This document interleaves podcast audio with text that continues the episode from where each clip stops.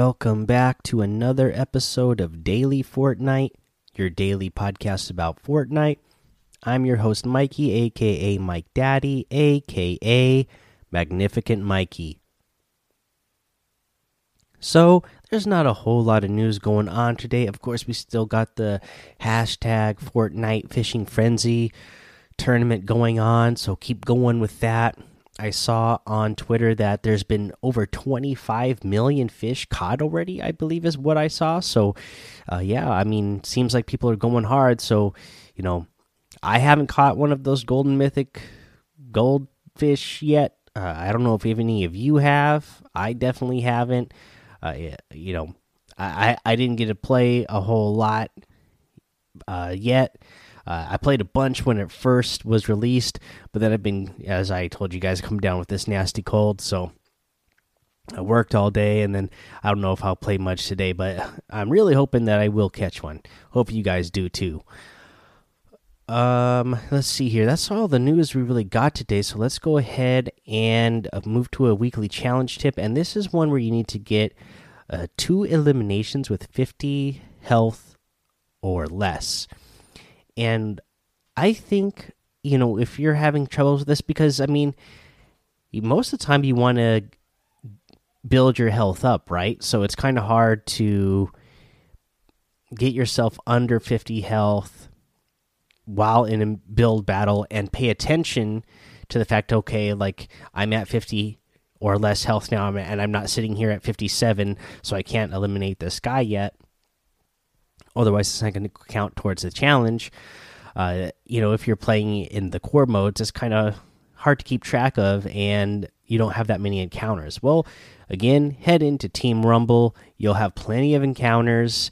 Uh, you can, you know, if you're a better player, you can let yourself get shot once or twice, and uh, the, you should have plenty encounters after that. You know, people either in the distance or, you know, you should be able to get close enough to somebody with the shotgun and go ahead and finish them off. Uh, but yeah, you shouldn't have a problem getting eliminations with 50 or uh, fewer health if you play in Team Rumble, just because there's so much action in there.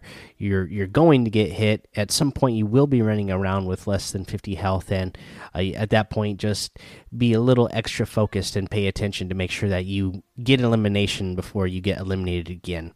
Uh, yeah, let's go ahead take a break here. We'll come back. We'll go over that item shop today and our tip of the day.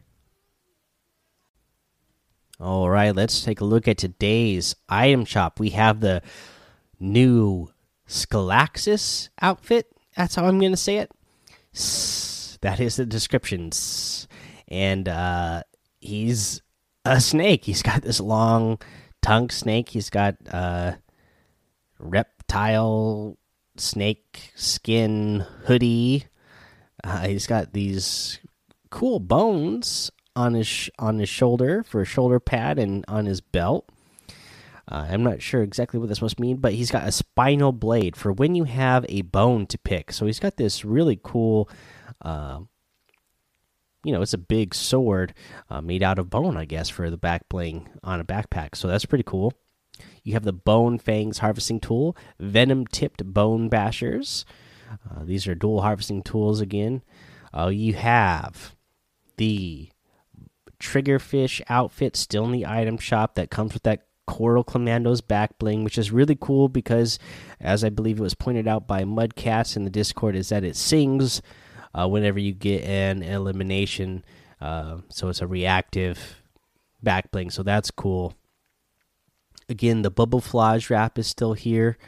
Uh, you have the Nite Nite outfit back in the item shop, the Match Point outfit, the Rage Quit emote the pink flamingo harvesting tool, the work it emote, and a new neon venom wrap. Uh, that is pretty cool wrap.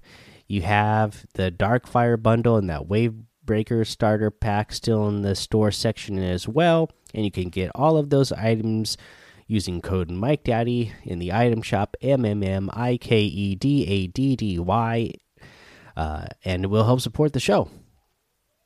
Now for our tip of the day uh, you know, I'm going to bring it back into this fishing contest that we got going on. And, you know, again, this is mostly going to benefit uh, players who happen to be uh, playing on console or controller with the rumble feature. If you turn that rumble feature on, you know, maybe you'll get a little bit faster reaction to catch uh, those good items when you're at those fishing holes. I mean, yeah, you can go off of those, uh, you know, off the visual. But sometimes what I'll do is I'll I'll cast my uh, I'll cast my uh, bait out there and then I'll start running, especially if the if I know I need to start moving towards the next circle, and I'll be headed that way, and I'll go I'll go past my my my pole in the water. So if I feel that rumble, boom, I know to hit it right then, and I'll catch whatever it is that is there. Again, uh, you don't get the visual, you'll still get the sound you know, if you don't have the rumble, so you you could do that. But I think the the rumble for this is just a nice little uh, added feature that you can use to catch more fish potentially. Uh, but that's the episode, guys. I'm gonna go take some cold medicine now and go to bed because I have to be to work really early tomorrow morning. So, uh, let's see here. Head over to the Discord, the Daily Fortnite Discord, and hang out with us over there. Follow me over on Twitch and YouTube, Mike Daddy on both of those places. Head over to Apple Podcasts, leave a five star rating and a written review for a shout out on the show. Subscribe so you don't miss an episode. And until next time, have fun, be safe, and don't get lost in the storm.